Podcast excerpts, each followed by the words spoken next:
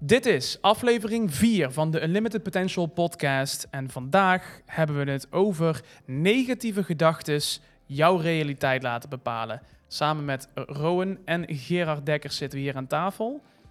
En we gaan weer beginnen. Ja, we gaan beginnen met de vierde podcast alweer. Ja, we hebben deze natuurlijk wederom vorige week al gedaan in het Engels. Dus voor de mensen die uh, toevallig de Engelse aflevering ook leuk vinden om te luisteren. Uh, onze Nederlandse en Engelse afleveringen zijn altijd net iets anders. We gaan er toch net iets anders op in, want ja. we, we, we scripten deze afleveringen voor de rest niet. We gaan gewoon in op een onderwerp en daar gaan we gewoon lekker over praten met z'n tweeën. Ja. Um, en dat is ook het fijnste als dat lekker natuurlijk loopt. Dus als je die nog wil zien, um, zou ik zeggen, ga gewoon eventjes naar je favoriete uh, podcast-platform. En of YouTube. Of YouTube, kan ook. En zoek daar gewoon even Unlimited Potential Podcast. En dan kom je ook bij de Engelstalige uit. En de Nederlandstalige is gewoon Unlimited Potential Podcast NL. NL, klopt.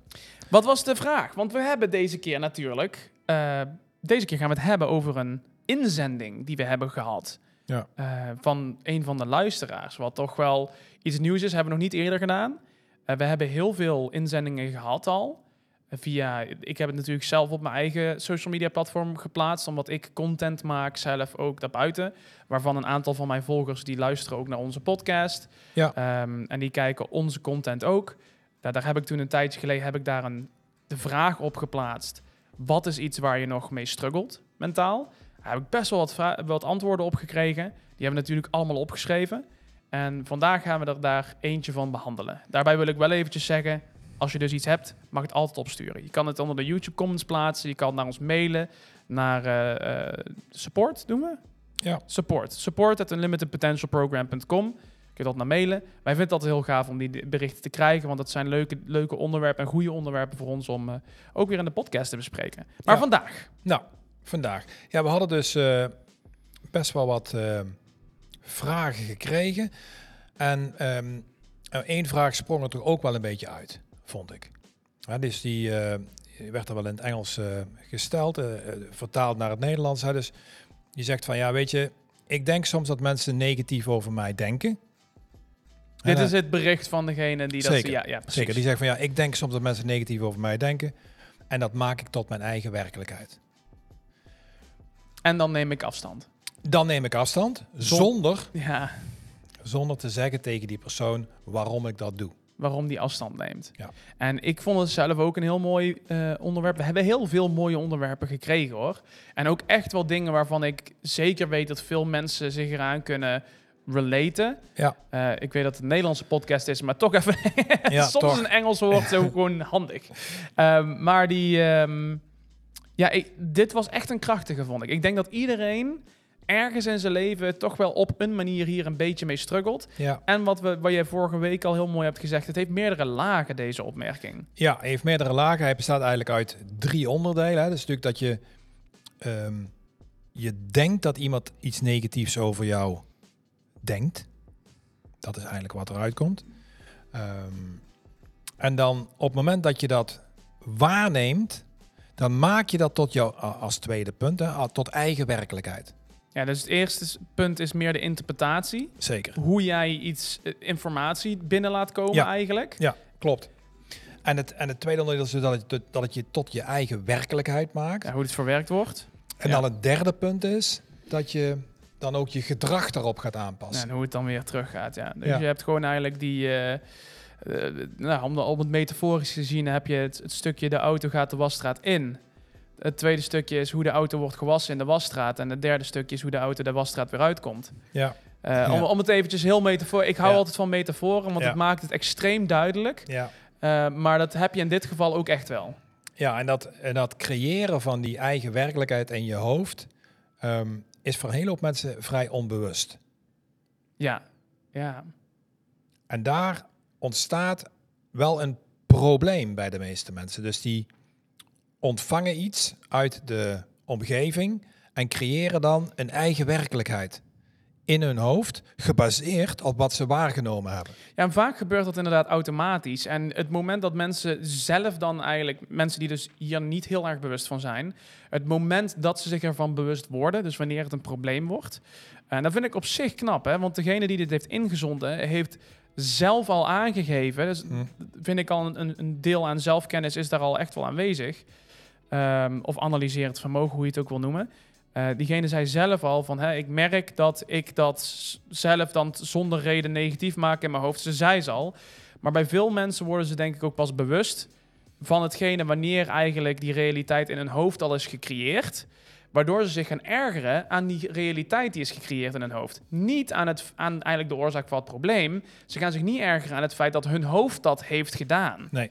Ze gaan zich aan die realiteit creëren. Maar de oorzaak daarvan is dat, dat je hoofd die realiteit heeft gemaakt. Ja, je bedoelt, ze gaan zich ergeren aan de zelf gecreëerde werkelijkheid. Ja, Ja. precies. En, en Ja. dat is niet de issue. De Nee. issue is dat die gecreëerd is. Nou, je ziet dat veel. Je ziet, je- kijk, je kunt ook bijna niet jezelf afsluiten natuurlijk van datgene wat werkelijkheid is. Ja. Je kunt je er niet van afsluiten. Maar wat je wel kunt doen, je kunt je gaan realiseren wat je met die, werkelijke, met die werkelijkheid doet. Dus Ja. met, die, met jouw perceptie van de werkelijkheid. En natuurlijk wordt jouw werkelijkheid gecreëerd door, jou, door jouw eigen roze bril. Hè, zoals wij ook zo vaak in onze trainingen zeggen. Zeker, Dus- zeker. Dus, dus iedereen percipeert, iedereen kijkt naar de werkelijkheid door zijn eigen roze bril, door de eigen kleuring die je geeft aan datgene wat voor jou die werkelijkheid is. Ja, De ene die kan zich bijvoorbeeld door een wat ja, kritische of bijna negatieve opmerking van iemand enorm eh, aan storen, of zelfs daar heel ongelukkig van worden, eh, heel vaak later. Eh, Ja. En een ander kan daar enorm makkelijk mee omgaan. Ik vind dat helemaal geen probleem. die zit Oké, nu- ja, ja, misschien zelfs wel niet. soms dankjewel voor de feedback of iets in die richting. kan alle kanten op gaan. Ook in de extremiteiten. Kijk, je ziet heel veel met ook mensen, eh, vooral jeugd, waar het nou vaker voorkomt met, met sociale problemen. Social anxiety, dingen in die richting die bijvoorbeeld meer extreme versies de ene kant op hebben. En sommige mensen hebben het ook de andere kant op. Ik, eh, en je ziet het nou zoveel ook eh, met social media. Ik zag het afgelopen week nog op, op TikTok.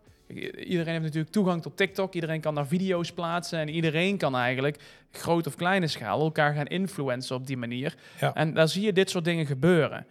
Ehm, je hebt natuurlijk op TikTok heb je de functie dat je kan, eh, een videoreactie kan maken op een specifieke comment. Dus mensen kunnen een reactie plaatsen onder jouw video. En dan kun jij als maker kun jij zeggen: Ik reageer op deze comment met een nieuwe video. En dan staat die comment even in je video. Mhm. En dan reageer je erop. Nou, zo zag ik een video van een meisje die ehm, eigenlijk als reactie op haar eigen al mentale struggles, want die zat zelf echt niet lekker in haar vel, als uitlaatklep begon, begon zij filmpjes te maken, waarin zij ook haar mentale struggles uitte. Eh, daar kreeg ze toen een reactie op van iemand. ehm, ja, weet je, dit is ook weer een interpretatie vanuit mijn waarvan ik dacht, nou, die is, die is, die is behulpzaam. Die zij vervolgens highlighten en aangaf van, ja, hoezo ga je mij de weg wijzen, eh, lezen en je denkt dat het allemaal maar makkelijk is. En eh, eh, die- voelde zich heel erg aangevallen. Ja. En het grappige is dat, want ze, ze beargumenteerden daarna ook, ja, het is duidelijk te zien in je andere berichten dat je gewoon echt, dat, je, dat je geen goede intenties hebt of iets in die richting. Toen ben ik voor de grap teruggegaan, gewoon puur vanuit mijn sociale interesse. Dat ik dacht van, ben benieuwd hoe dit is gegaan. Waar de interpretaties hier zijn, hebben plaatsgevonden. En waar ons hoofd in, in verschillende rollen misschien dingen heeft ingevuld. Nou, toen zag ik dus ook echt dat die jongen, die heeft in principe alleen maar hulp aangeboden. En gezegd, kun je dit niet proberen of kun je dat niet proberen? Ehm, en ik denk dat je dat heel vaak ziet, even om ten een conclusie te komen. Vooral met inderdaad hulpvragen. Mensen die zeggen, heb je dit al geprobeerd? Zie je steeds vaker, vind ik, ook mensen die daar een interpretatie meteen aan hangen in hun hoofd. Hm. Wat de intentie achter die hulp eh, is die iemand aanbiedt. Nou, of de intentie achter die opmerking. De intentie achter de opmerking Ja. inderdaad, en die wordt ingevuld. Daar worden dus conclusies uitgetrokken, vooral in dit geval specifiek. Er wordt vervolgens een redelijk haatdragende videoreactie op gemaakt. Ehm, dus er worden echt conclusies uitgemaakt en daar wordt op gehandeld. Dus Ja. het is eigenlijk een andere kant van de munt van ook weer het onderwerp waar we het vandaag over hebben. Want Ja, wat ja. wij bespreken is iemand die vanuit onzekerheid spreekt. Hè, Mhm. Die ook aangeeft van nou, ik vul dingen in en daarop handel ik en neem ik eigenlijk afstand van mensen. Ehm, maar dit is ook een andere kant van dezelfde munt natuurlijk. Iemand die juist ehm, echt het gevoel heeft dat ze wordt aangevallen. En daar conclusies uittrekt. Nou, ook voor de luisteraars misschien wel goed om eh, een beetje uit elkaar te trekken en één voor één even naar te kijken. hè. Dus, Zeker. dus, dus ehm, ik denk dat iedereen wel eens een keer feedback, kritiek of een boze blik of iets in die richting heeft gekregen van iemand anders. En eigenlijk de eerste stap is, is dat er dan iets gebeurt in jouw eigen systeem. En in principe kunnen woorden kunnen je kunnen geen schade toebrengen. Maar wat ze doen, ze triggeren iets in jou. Dus die woorden die triggeren iets in jou. Als je helemaal niet ontvankelijk bent voor die kritiek of voor eh, dat wat er eh, negatief over jou gezegd wordt, dan triggert dat ook niks in jou. En dan gebeurt er ook niets in jou. Nee.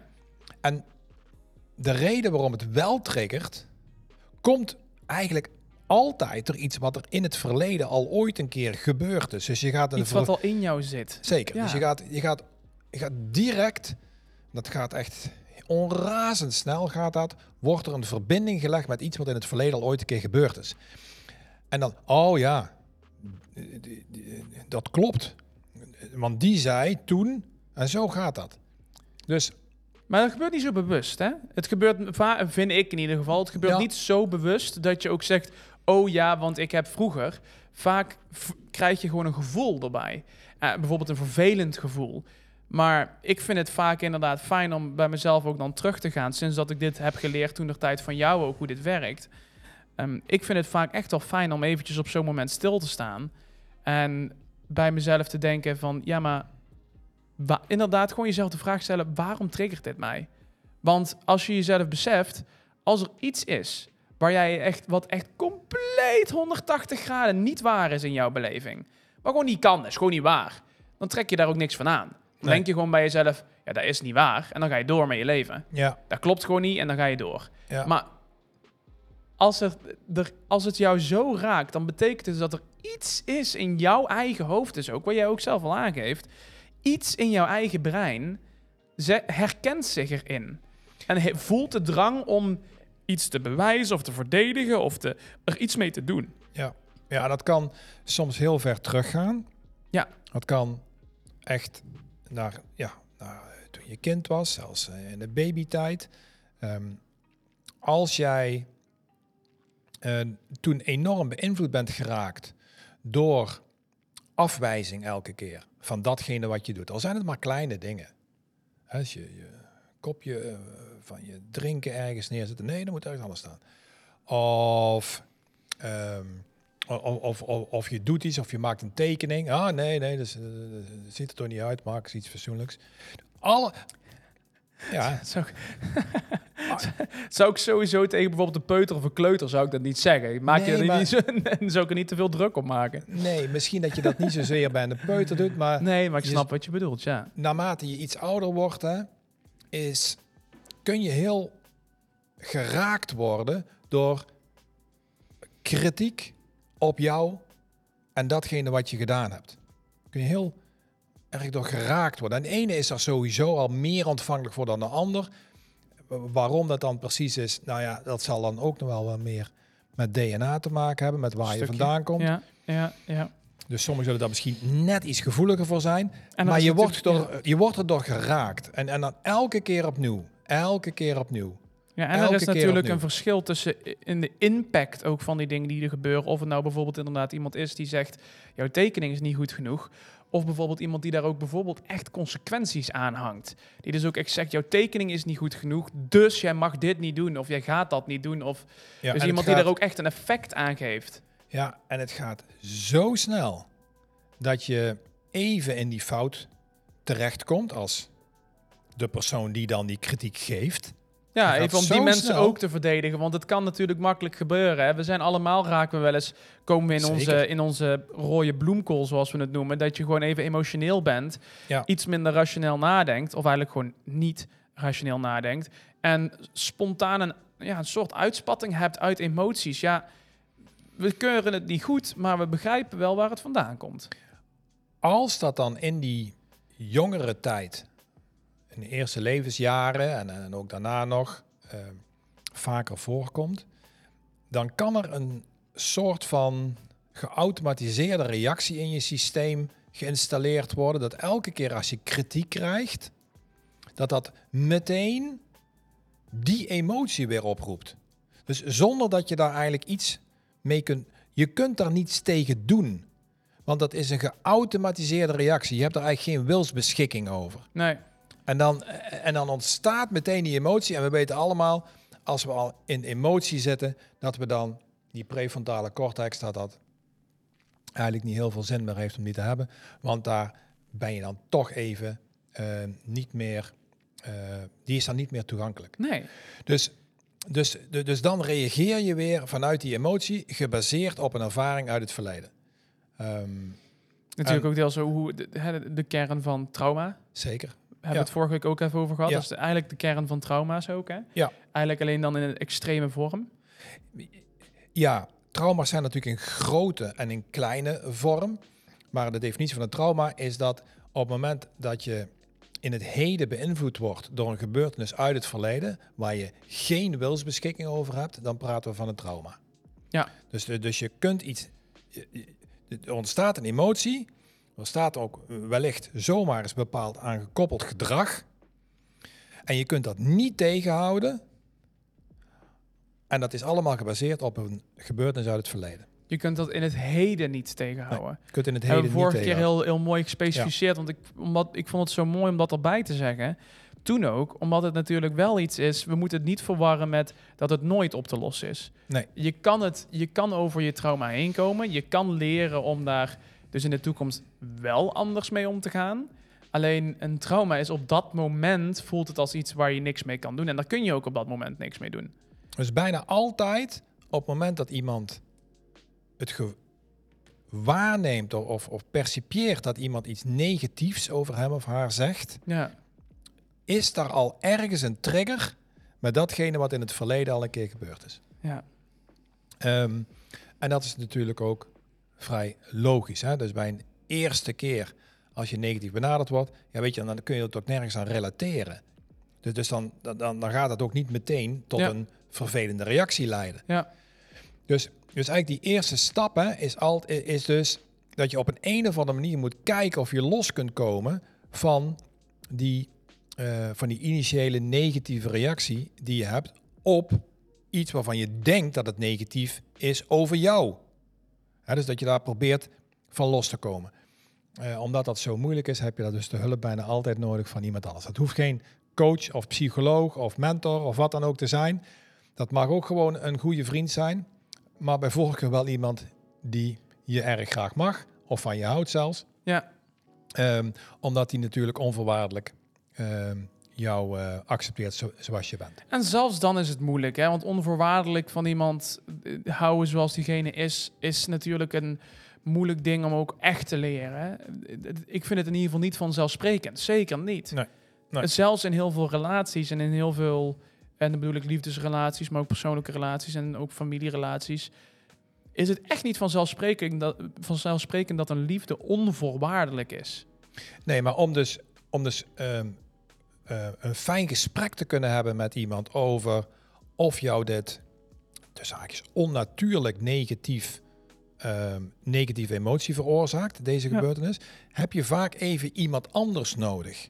Ja, ja, ja, ja, En, en, en die je even een spiegel voor kan houden van, goh, kijk je nou eens even feitelijk naar. Wat wordt hier nou eigenlijk gezegd? Ja, en dan wil je inderdaad wel het liefst iemand die waar je een onvoorwaardelijke connectie mee hebt. Ja. Dat, en, dat, Ja. en dat daarom is denk ik het ook vaak fijn om inderdaad naar een coach of een psy- psycholoog te gaan, omdat die daar toch op getraind zijn. Maar het kan zeker. Maar het is wel goed om daar zelf over na te denken van, hey, is dit wel een persoon waarbij dat ook zo is? Eh, is dit wel Ja. ook een familielid of een relatie of een persoon waarvan ik weet van het advies wat diegene mij geeft of de reacties die diegene gaat geven op mij is onvoorwaardelijk. Ja. Want anders dan kun je gewoon niet goed dingen tot uiting brengen en dingen bespreken. Ehm, en het gaat ook denk ik niet goed, het advies wat je teruggeeft, de spiegel die je voorgehouden gaat worden, gaat ook niet goed geïnterpreteerd terug worden als jij zelf daar geen gevoel bij hebt dat het onvoorwaardelijk is. Ja, dat klopt natuurlijk. Ja, nou ja. Wij doen dat heel veel thuis natuurlijk. Hè? Wij hebben dat altijd gehad. En Ja, je- maar- wij merken het ook wel bij, bij ehm, in, onze, in onze close kring, als daar mensen van buitenaf bij komen, merk je ook dat dat altijd even wennen is. Vooral voor mensen die dat bijvoorbeeld nog niet gewend zijn. Nee, want onvoorwaardelijk betekent dat je geen voorwaarden stelt aan datgene wat er besproken wordt. Ja. Ehm, en nou ja, dat, is, dat, dat kan zomaar eens eh, een uitdaging zijn. Om niet te verte uit te wijden op het onderwerp. Dus, Ja. dus iemand die, die heeft een... eh, eh, die denkt dat iemand... Ja, het is echt heel ingewikkeld. Het Iemand, iemand, is die, best pittig. iemand die denkt dat je negatief over hem of over jou is. Denkt. Je denkt dat. En dan meteen, meteen triggert dat iets in jou. Dat resoneert dan. En als het gaat resoneren, als dat gaat trillen, dan wordt het eigenlijk alleen maar groter. En omdat het groter wordt, kun je het eigenlijk, als een soort ja, sneeuwbaleffect, kun je het eigenlijk ook even niet meer tegenhouden. En dan ontstaat er een, een, een ongelooflijk ehm, systeem in jouw brein. En die creëert voor jou dan de werkelijkheid. Dus in eerste instantie was het alleen maar een opmerking van iemand. Of een blik of, Of een iets blik, of een comment op een video, of Iets. een whatever. iets heel... Wat, wat eigenlijk geen enkele lading heeft. Nee. Maar op een gegeven moment, omdat er dus iets, iets getriggerd wordt in jou, dat er iets resoneert in jou, ja, ons wordt dat groter, groter, groter, groter, groter. Ontstaan, komt er een emotie bij en ga je je eigen waarheid creëren. Dus, oh, dat wat hij zegt, dat is waar. Dat is waar. Dus, oh, dan zal hij wel gelijk hebben. Oh, dan zal hij wel Of- zeggen, omdat... Ja. En dan gaan anderen ja, gaan, gaan dat misschien ook wel als waarheid zien. En dan, en dan ben ik daar voor iedereen. Pap, pap, pap, pap, pap. Ga je dingen zoeken die, er, die het inderdaad alleen maar bevestigen? Ja, want hij zei ooit een keer ook over die andere persoon, zei hij toen dit. Ja, ik, het zou makkelijk kunnen dat hij dat ook over mij heeft gezegd. Weet ik eigenlijk wel zeker. Weet ik wel, dat weet ik wel. Nul bevestiging gehad, maar dan Nee. ga je dat in je hoofd zeggen. Dat weet ik wel Ja. zeker dat hij dat heeft gedaan. Ja, dus dat, dus dat is een. Dat is een. Dat proces. Geautomatiseerd. Ja, het wordt natuurlijk getriggerd door, door, door gebeurtenissen uit het verleden, wel of niet een Ja. trauma. Maar dat proces, dat is wel te stoppen. Dus je, daarvoor moet je dus wel je bewust zijn van je proces. Ik wilde net zeggen, eerste stap is bewustzijn. Ja. Als je gewoon je bewust bent van het feit dat je brein bepaalde dingen aan een, een bepaald proces in gang zet wanneer er zoiets binnenkomt. Ja. Ja, dan, dan s- in mijn opinie sta je dan al 1 1-0 voor. Als je gewoon Ja. weet wat er gebeurt Ja. in je hoofd. Ja, en dat wil nog niet zeggen dat je meteen dat proces van het creëren van die eigen werkelijkheid kunt tegenhouden. Ehm, maar in ieder geval dat je je bewust van bent dat het gebeurt. Ehm, we hebben vorige week ook besproken wat dan een, eh, een goede vraag zou zijn eh, om aan jezelf te stellen. Als je de tegenwoordigheid van geest hebt. En dat is toch om te vragen van, ja weet je wat, eh, als iemand dit nou van mij zegt, wat gaat er dan eigenlijk Stuk. stuk? Wat gaat er dan eigenlijk kapot dan? in Of wat mij? gaat er fout? Wat, gaat, er fout? Precies. En die, die vraag beantwoorden met jezelf, ehm, dat is een heel belangrijk. eh, zou echt iedereen stap. moeten doen. Als je zo'n als je zo'n frustratie hebt en je loopt tegen zoiets aan, ga dat inderdaad eens echt aan jezelf vragen. Al zou dit inderdaad zo zijn. Al zou diegene dit echt hebben gezegd of bedoeld of whatever. Wat gaat er dan stuk bij mij? Wat gaat er in mijn hoofd of in mijn... Maakt niet uit waar. Wat, wat gaat er kapot? Wat gebeurt er? Waar, wat voor error komt er? Ja, want we weten natuurlijk heel goed, gewoon als we gewoon rationeel erover nadenken. Er is geen woord, geen enkel woord, wat jou schade toe kan brengen. Er is geen enkele Letterlijk inderdaad. Rationeel gezien inderdaad helemaal niet. Er is geen enkele gedachte, geen enkel woord wat jou schade toe kan brengen. Woorden schaden alleen maar door de associatie die ons brein zelf ergens al aan hangt. En wanneer het dan binnenkomt. Dus uiteindelijk, als je het inderdaad zo heel rationeel gaat bekijken, dan is het ons brein zelf wat schade aan ons toebrengt. Omdat Mhm. wij hangen er, er zelf een waarde aan, Ja. of een, een gewicht aan. En dat is hetgene wat ons schaadt. Niet Zeker. het woord zelf. Ja, nu hebben we natuurlijk, Robin, heel erg over ons, ons proces bij ons binnen. Dus, dus het, het, het wordt natuurlijk gigantisch ver, vermoeilijkt, moeilijker gemaakt door de sociale media. Want Ja. ehm, Zeker. als je geblamed en geshamed of, of wat dan ook wordt op sociale media, dan is het niet alleen dat bij jou wellicht dat beeld van negativiteit een proces in gang zet, Ja. maar anderen die het lezen, zou ook zomaar eens bij hun een beeld in gang gaan zetten. Ja, weet je, het, het social media gedeelte heeft me wel ooit ook één iemand op mijn pad gebracht. En ik ga heel eventjes de naam erbuiten laten en de context van wat, wat het specifieke voorbeeld was hier. Gewoon puur omdat eventjes, omdat dat niet is waar het nou over gaat.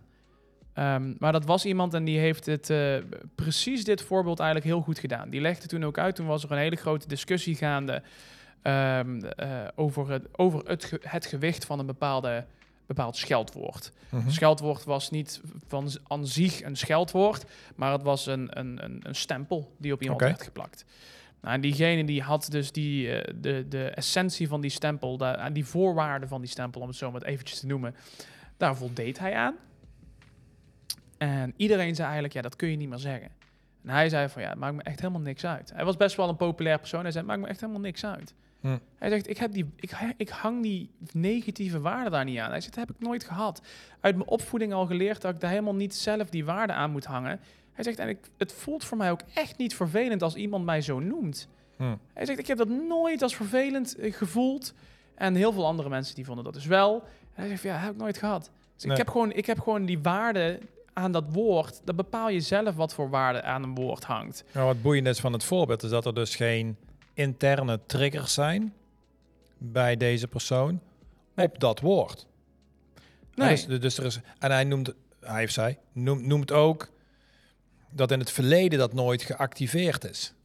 Nou, er waren wel echt incidenten, maar hij, heeft, hij is vanaf het begin denk ik al gewoon goed ook ingeleid daarin. Van ja, weet je, ehm, ik, ik, wat ik denk wat er is gebeurd en wat ik ook denk wel kan aannemen vanuit de voorbeelden dat diegene toen heeft gegeven, is gewoon die heeft in de opvoeding heeft die jongen dat heel goed van zijn ouders geleerd. Dat als hij thuis was gekomen en hij was gepest met dat bepaalde woord, dat zijn ouders zeiden van ja, maar ja, dat maakt toch helemaal niet uit. Jij bent toch gewoon zo, dat is toch niet iets vervelends? En dat hij, en dat hij dan zei van, oh ja, ja, dat klopt. Ja, dat is ook helemaal niet echt iets vervelends. Ik snap ook niet waarom ze dat als scheldwoord gebruiken. En, en n- ja, het is toch een uitzondering. Het is zeker een uitzondering, maar het is wel denk ik iets waar, waar we naar, wa- waar, wat redelijk goed is om naar te streven als je dit onder controle wil krijgen. Zeker. En ehm, nou ja, dan zijn we natuurlijk een Unlimited Potential podcast en geen educatieve of opvoeding gerichte podcast. Nee. maar Een limited Als- potential parenting. Ja. Moeten we ooit, eh, ooit een keer... eh, Het zou zomaar een idee kunnen zijn. Maar kijk, wat alles begint natuurlijk wel in die opvoeding. Eh, en en, en de, de processen waar je daar je kinderen doorheen laat lopen, zijn enorm bepalend voor natuurlijk uiteindelijk wat voor type volwassen mensen ze worden. Ehm, dat wil niet zeggen dat je natuurlijk, naarmate je volwassen bent, die processen nog steeds kunt gaan bekijken, gaan, gaan analyseren en gaan kijken van ja, waar gaat het dan bij mij fout? Waar ergens in het proces? Hè? Dus, dus, we, dus we begonnen de podcast met, oké, je percipieert iets uit de buitenwereld en je maakt dat tot je eigen realiteit. ja, Dat is eigenlijk, eigenlijk het proces Ja. wat er gebeurt. En de reden waarom je dat doet, zit heel vaak getriggerd eh, in, een actieve, in, een, in een gebeurtenis uit het verleden. En op het moment dat je dan die werkelijkheid gecreëerd hebt, het vervelende natuurlijk is dat er ook bijna geen wilsbeschikking meer is over de het daaraan gekoppelde gedrag. nee, dat is gewoon een reactie. Het is, een, het, is een, het is een reactie zonder wilsbeschikking voor de meeste mensen. En dat is wel hetgene wat de meeste mensen, dan, wat, wat mensen kunnen zien. Dus mensen beoordelen je op basis van je gedrag. Hetgene wat je laat zien. Kijk, dat, dat is een hele mooie, want mensen zien dat natuurlijk niet wat jij hebt Nee. binnengekregen. Nee. Mensen zien niet wat jij in je hoofd hebt gedaan met die informatie die binnen is gekomen. Nee. Mensen zien niet welke conclusies, conclusies daar, jij daaruit hebt getrokken. Maar wat mensen wel zien, is wat jij, hoe jij uiteindelijk op basis van al die stappen daarvoor bent Ja. gaan handelen. Ja. Dat is het enige wat andere mensen zien. En dat is ook het enige waar vervolgens die mensen weer een conclusie uit gaan trekken. Met behulp van hun eigen verleden en hun eigen roze bril. Ja, en in dit geval dus ehm, werd dan back away gezegd. Werd gezegd van, Oké, ja, diegene die, trek, die, zich, terug. ja, die deed een stapje terug als Ja. conclusie uit ja, een, een zelfgemaakte realiteit slash perceptie dat mensen hem niet zouden mogen. En dat zien dus die anderen wel. Vooral omdat hij ook aangeeft, dus hij backed away, hij stapt weg zonder uit te leggen waarom. Ja, dus, dus dat is het gedrag. Het gedrag is, in dit geval, zich terugtrekken zonder dat de ander weet Ja. waarom een persoon dat doet. En dat maakt het tot een ongelooflijk ingewikkelde ehm, materie, omdat er daarna natuurlijk vaak weer interactie, interpretaties optreden bij die ander. Ja, Oh, want die andere die ziet dus alleen maar, je ziet alleen maar dat hij hij zich terugtrekt. weg. Die trekt, trekt zich terug. En die kan ook weer uit zichzelf gaan concluderen. Maar ben ik dan niet meer, vindt hij mij niet meer aardig of zo? Heb ik iets verkeerd gedaan? Heb ik iets verkeerds gezegd? Ja. Zou die nou, heb ik dan, wat heb ik gedaan dan de volgende? En die raakt helemaal in een existentiële crisis ook. Gaat zijn eigen roze bril opzetten en die denkt, ik ga ook eens even een mooie nieuwe realiteit voor mezelf eh, maken. En dat gebeurt ook. Dat gebeurt, nou, dat gebeurt altijd. Altijd. Misschien niet altijd in deze vorm. Sommige mensen zullen zeggen van... eh, ja, ja, je zal het vast druk hebben. En die gaan gewoon met een hele normale manier verder. En die hebben dus niet echt negatieve consequenties. Het is niet altijd zo negatief extreem. Hè? Dat gebeurt echt niet altijd. Nee. Maar mensen gaan wel altijd reageren in hun hoofd. Mentaal. Het gaat altijd... Alles wat mensen zien, alles wat mensen ervaren... gaat weer verder de realiteit in hun eigen hoofd creëren. Nou, en het probleem ontstaat op het moment dat het stopt. Dus die persoon die, die, die ziet iets, die, die ziet een bepaalde, nou, die een negativiteit over hem of haar, gaat dan eigen realiteit creëren. Oh ja, dat zal wel waar zijn. En ja, negatief, oh, weet je, eh, eh, ik hoef geen contact met die persoon, want die vindt mij, ne die heeft iets negatiefs over mij Ja, zonder het te zeggen waarom. En als het dan stopt, de interactie, dan is er in principe geen mogelijkheid om te leren. Dan stopt alle mogelijkheid om er nog iets van te maken. En dat is het, ja, het, het, toch wel het, ja, ik zou bijna zeggen, tragische van dit voorbeeld. Met name dus dat laatste. Without saying why. Dus zonder te zeggen waarom je dan, want op het moment dat je dan ja, het lef, hè, het lef hebt om te zeggen van ja, weet je, ehm, ehm, ja, ik, ehm, ik neem dit waar bij jou. Goh, vertel eens, hoe zit dat nou bij jou? Eh, wat was nou je intentie? Eh, en dan krijg je weer een gesprek op gang. Onvoorwa- Maar dan moet je- eh, on- onvoorwaardelijk, hopelijk. Weer, wederom. Probeer Ja. dat. Nou, probeer dat. Maar als, dat, als die relatie nog niet daar is, dan hebben heel veel mensen toch niet het lef om dat een keer te roepen. Nee, maar voor jezelf kun je dat wel onvoorwaardelijk doen. Het is, toch het is natuurlijk belangrijk dat je eerst zelf de situatie voor jezelf verwerkt. En daar Ja. zelf gewoon uit gaat concluderen dat jij je roze bril op hebt en dat jij een realiteit aan het scheppen bent in je eigen hoofd. Ja. En dan heb je eigenlijk het probleem al deels voor jezelf opgelost. Hè? En dan is de volgende stap, maar dat is eigenlijk een nieuw hoofdstuk, een nieuw artikel, een nieuw ding wat je gaat doen, is dat je met diegene in gesprek gaat en kijken hoe nu verder. Of wat is nou, eh, hoe voelt diegene zich? Maar daarvoor ben je eigenlijk, de issue die je wil oplossen, is eigenlijk een issue eh, eh, binnenin jezelf. En zodra je gaat praten met iemand anders, ga je de gedeelde issue oplossen. Dus dat is iets anders. Eh, nee, dat klopt.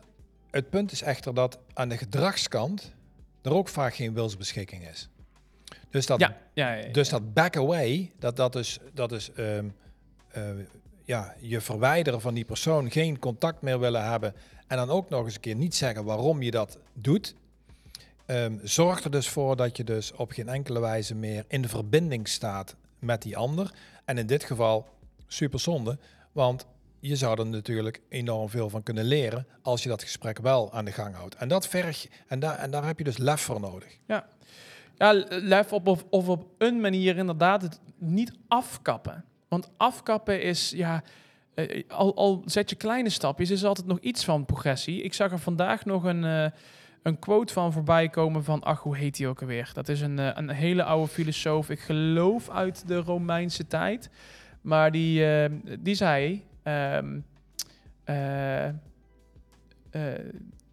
progress is made even if you're moving slow, but please don't, don't just don't stop.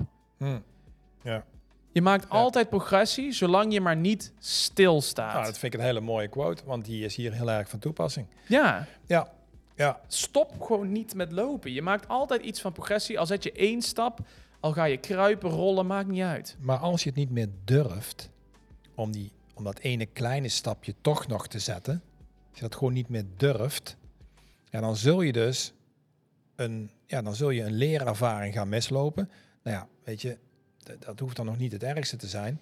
Maar het punt is vaak dat de tolerantiegrens ehm, eh, wordt steeds anders. Mhm.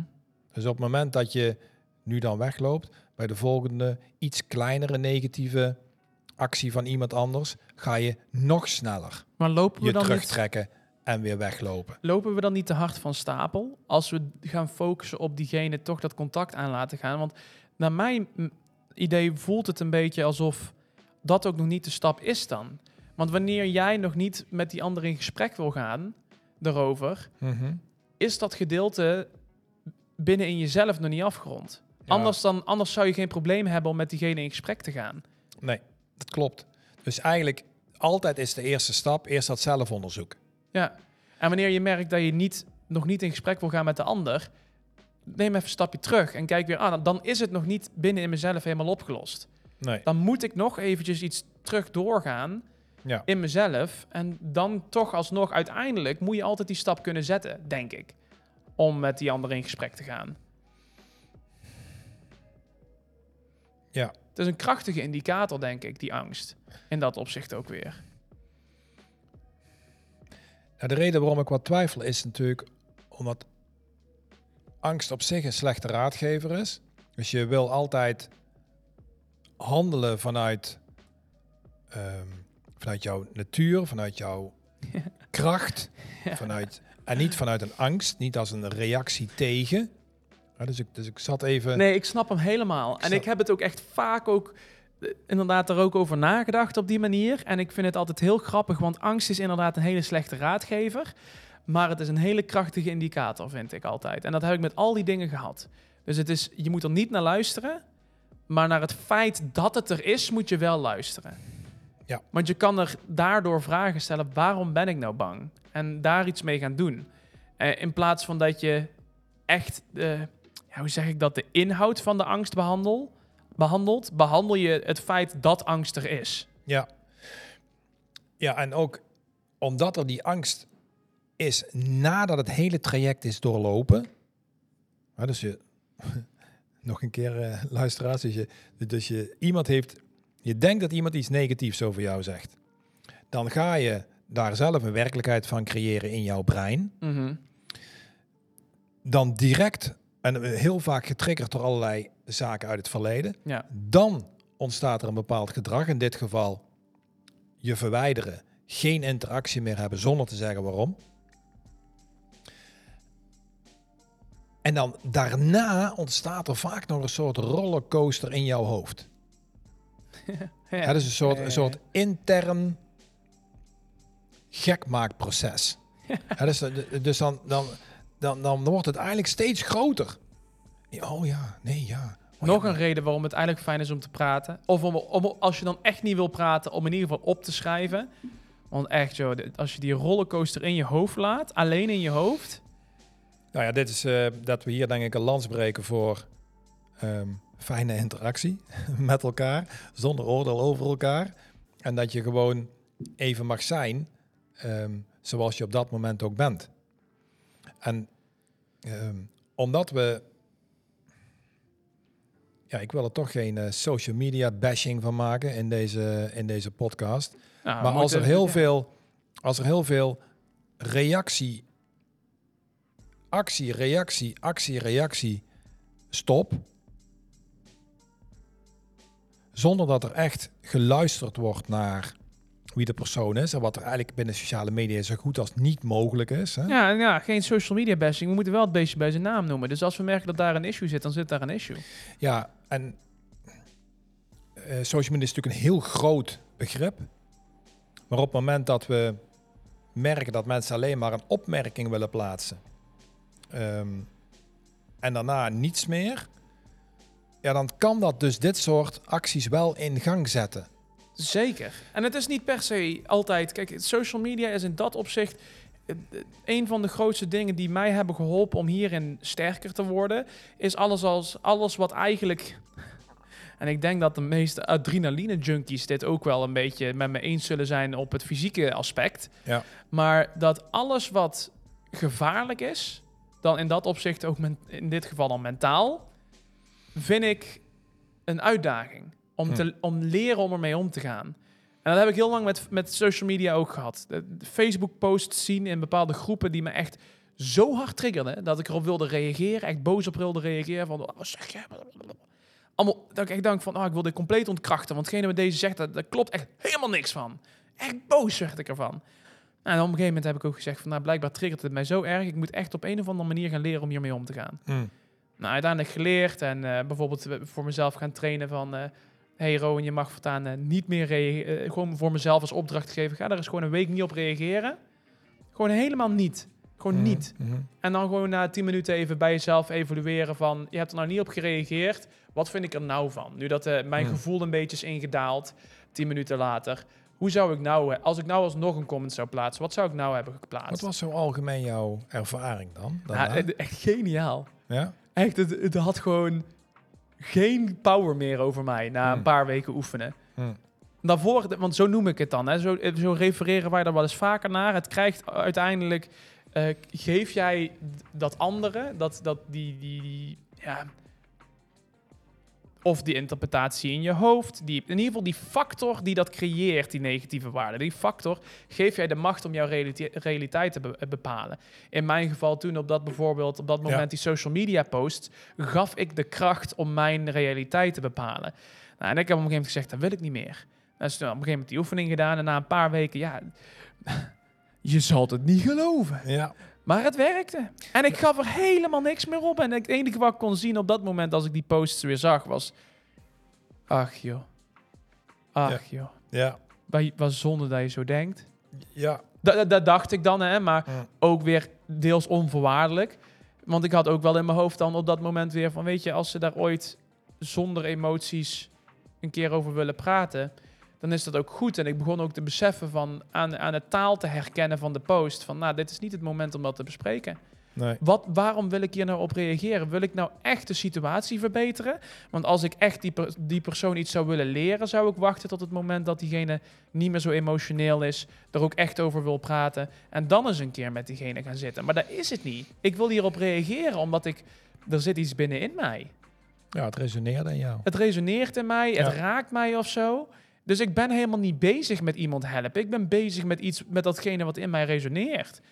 Ja, wat, je, eh, wat wij in, natuurlijk in al onze trainingen eigenlijk als basis hebben, is dat je altijd een besluit neemt om iets te willen creëren in jouw leven. Dus- Dus, dus je wilt iets verbeteren in jezelf en daarvoor moet je een besluit nemen. In dit geval, ook bij deze vraagsteller, die laat een reactie of een, met een waargenomen waarde, met een gepercipieerde waarde, laat hij zijn of haar emotie bepalen. Dus de buitenwereld bepaalt hoe jij je voelt. De buitenwereld geeft je de macht over jouw eigen emotie. Ja, En het besluit wat je hier zou kunnen nemen, overwegen, is dat je de macht over je eigen emotie hebt. neemt ook. Ja.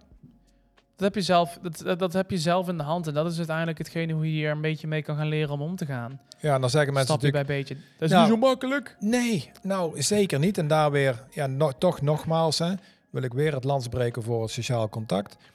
Heb je ook het andere nodig. Dus op het moment dat je het besluit genomen hebt, dat je zegt van oké, weet je, ehm, ik neem de macht over mijn eigen emotie. Ik neem de macht over mijn eigen emotie. De ander mag zeggen tegen mij wel, of willen, of mag kritiek hebben, of feedback geven, of wat dan ook. Maar wat mijn brein, wat ik mijn brein laat doen op basis van wat anderen tegen mij zeggen, dat bepaal ik zelf. En daarvoor, nogmaals, is een goed sociaal contact met een x aantal mensen, hoeft helemaal niet een enorme grote groep te zijn, Ja. is heel belangrijk. Ja. Dat uitspreken, ja, het, het is echt heel belangrijk hoor. Dat uitspreken en, wel, en, en ja, als je het voor jezelf ook wil opschrijven, is erg krachtig. Maar het uitspreken ook naar anderen Ja. die jou onvoorwaardelijk accepteren voor wie jij bent, is essentieel, omdat zij ook de trigger zijn op het moment dat je de fout ingaat. En in dat opzicht is het eh, een stukje om handen en voeten te geven ook aan dat onvoorwaardelijkheid nogmaals. Ehm, dat betekent dus eigenlijk ook een persoon hè, die, waarvan je weet dat hij niet per se conclusies gaat trekken of een mening gaat geven zodra jij je uit. Dat hij niet meteen gaat zeggen dat is goed of dat is slecht. Nee. Maar iemand die dat gewoon eventjes binnen laat komen. Want dat is natuurlijk iets wat, het, eh, wat best gevaarlijk kan zijn, denk ik, voor zo'n gevoel. Eh, is dat je met iemand in gesprek bent en dat diegene dan, dat je dan je, eindelijk je, je gedachten uit en dat diegene dan in één keer tegen je zegt van, ja, maar dat kan ook echt niet. Of eh, misschien voelt diegene zichzelf dan aangevallen. Dat hij dan zegt, ja, ja, maar dat bedoel ik. Dus jij, jij vertelt tegen diegene, ja, ik heb af en toe het gevoel dat Ja. eh, wanneer dat dit gebeurt, dan voel ik me, oh ja, dus dan doe ik het verkeerd. Weet je, dat iemand dan zelf conclusies gaat trekken of het Ja. in één keer om diegene gaat laten draaien. Kijk, dat zijn allemaal van die dingen die, die je niet wil in dat onvoorwaardelijke. Oh, maar dan vind ik dat je het best ingewikkeld al maakt. Ja, dat doe ik ook. Want het gaat hier eh, om het grote verschil tussen eh, sympathie en empathie. En Misschien is dat een onderwerp voor een volgende podcast. ja, zeker. E- Even nee, een nee, hele, zeker. hele, zeker. hele ja, korte. daarom zei ik al van, je maakt het best ingewikkeld, want we gaan er echt nog een keer het verschil tussen sympathie en empathie behandelen. Die Ehm, moet ik zo opschrijven. Dat is echt een heel goed onderwerp. in dit geval is het essentieel dat mensen je steunen, maar ook de trigger zijn in je besluit. En je gaat geheid de fouten. Als je het besluit, je gaat geheid de fouten. Het gaat verschillende keren verkeerd. Je laat je weer beïnvloeden door, door een reactie of door een eh, eh, emotie of door feedback in of je wat dan ook. Door, het, het, Etcetera. het is allemaal, het is allemaal exact. oefenen, oefenen, oefenen. Het, het hoeft niet in één keer perfect te zijn. Nee, nee, daar hebben we het hele leven voor. Ehm, Ja, mensen denken dat ze, dat ze op een 21ste perfect moeten zijn, bij wijze van. Maar als je, eh, zelfs al ben je 40, dan heb je nog steeds nog 40 jaar om te oefenen. Hè? Ja. Ja. ja, het hoeft niet morgen, morgen goed te zijn. Nee, en ehm, de, dus, de, dus deze vraag die, die deze persoon heeft, ehm, Ja. ehm, ja, aan ons gesteld heeft, ja, was natuurlijk een ongelooflijk interessante vraag, omdat daar eigenlijk alle processen in het brein in combinatie met gedrag naar voren komen. En dan ook nog eens een keer in combinatie met sociale media is dit een ongelooflijk actueel onderwerp. Zeker. Omdat we zo goed als geen eigen realiteit bijna meer hebben. Ehm, we worden continu als een soort speelbal van links naar rechts geduwd door het feit dat we iets zien in de buitenwereld en dat dat direct voor ons door ons brein tot een nieuwe realiteit gemaakt wordt. En we, we zijn constant omringd met andere mensen hun realiteiten, waarvan zij vinden dat het ook jouw realiteit moet worden. En Ja. ja, en jou is. We moeten tegenwoordig toch wel eh potverdikkie sterk zijn om te zorgen dat je je realiteit niet laat be- beïnvloeden door iemand anders zijn realiteit. Ja, het is echt ongelooflijk ingewikkeld. Je moet er echt wel goed voor Ja. in je schoenen staan. Ja. Maar we moeten, weet je, we moeten eh, richting een afronding gaan, denk ik, van de podcast. Ehm, en de Unlimited Potential Podcast zou de Unlimited Potential Podcast niet zijn. Als we niet ook eventjes een beetje een afsluitende, misschien een oefening meegeven. Of toch nog even concluderen wat je voor jezelf al thuis kan gaan doen. Zullen we beginnen met de oefening?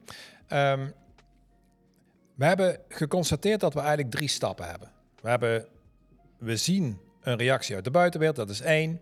We ehm, creëren dan een eigen werkelijkheid die zomaar eens af kan wijken van datgene wat we eigenlijk feitelijk hebben waargenomen. Dat is eigenlijk stap twee. En de derde stap is dus dat we dus gedrag gaan vertonen in lijn met onze eigen werkelijkheid. Ja. Dat zijn eigenlijk de drie stappen, mensen.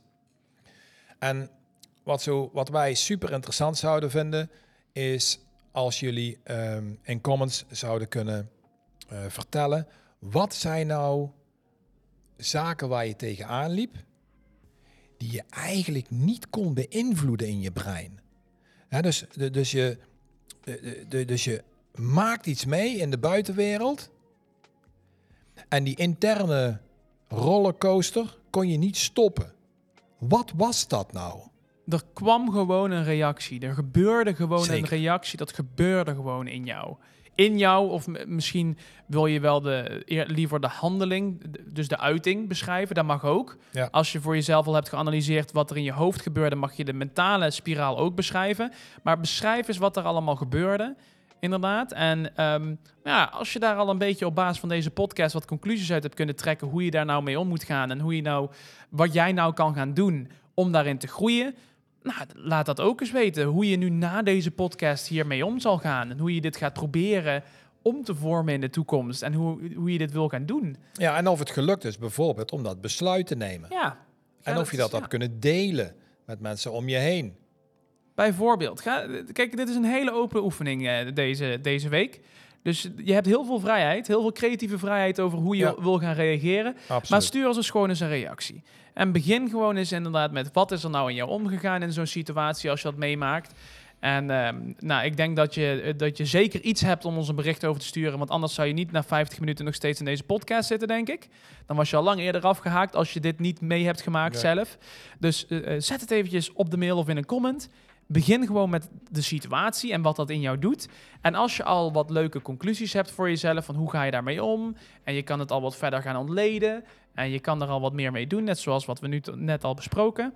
Zet het er ook gewoon eens bij. Ga eens gewoon, deel, deel het eens even, het proces met ons. Ja. Zouden we super leuk vinden om te horen. En we willen misschien ook wel in de toekomst eh, vaker een momentje gaan pakken in de podcast, op het begin of op het einde, waarin we één comment gewoon even highlighten, gewoon om even met iedereen te delen. Gaan we dan Ja. voor de rest niet een hele aflevering aan Nee. dedicaten, of misschien Nee. soms wel. Maar eh, over het algemeen gewoon even ook een leuk momentje hebben in de, eh, in de, in de Ja. podcast. Nou, zeker. Dus we zijn super benieuwd.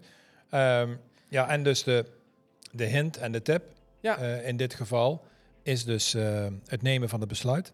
Ja, neem het besluit. Neem het besluit dat jij de baas bent over jouw eigen emotie.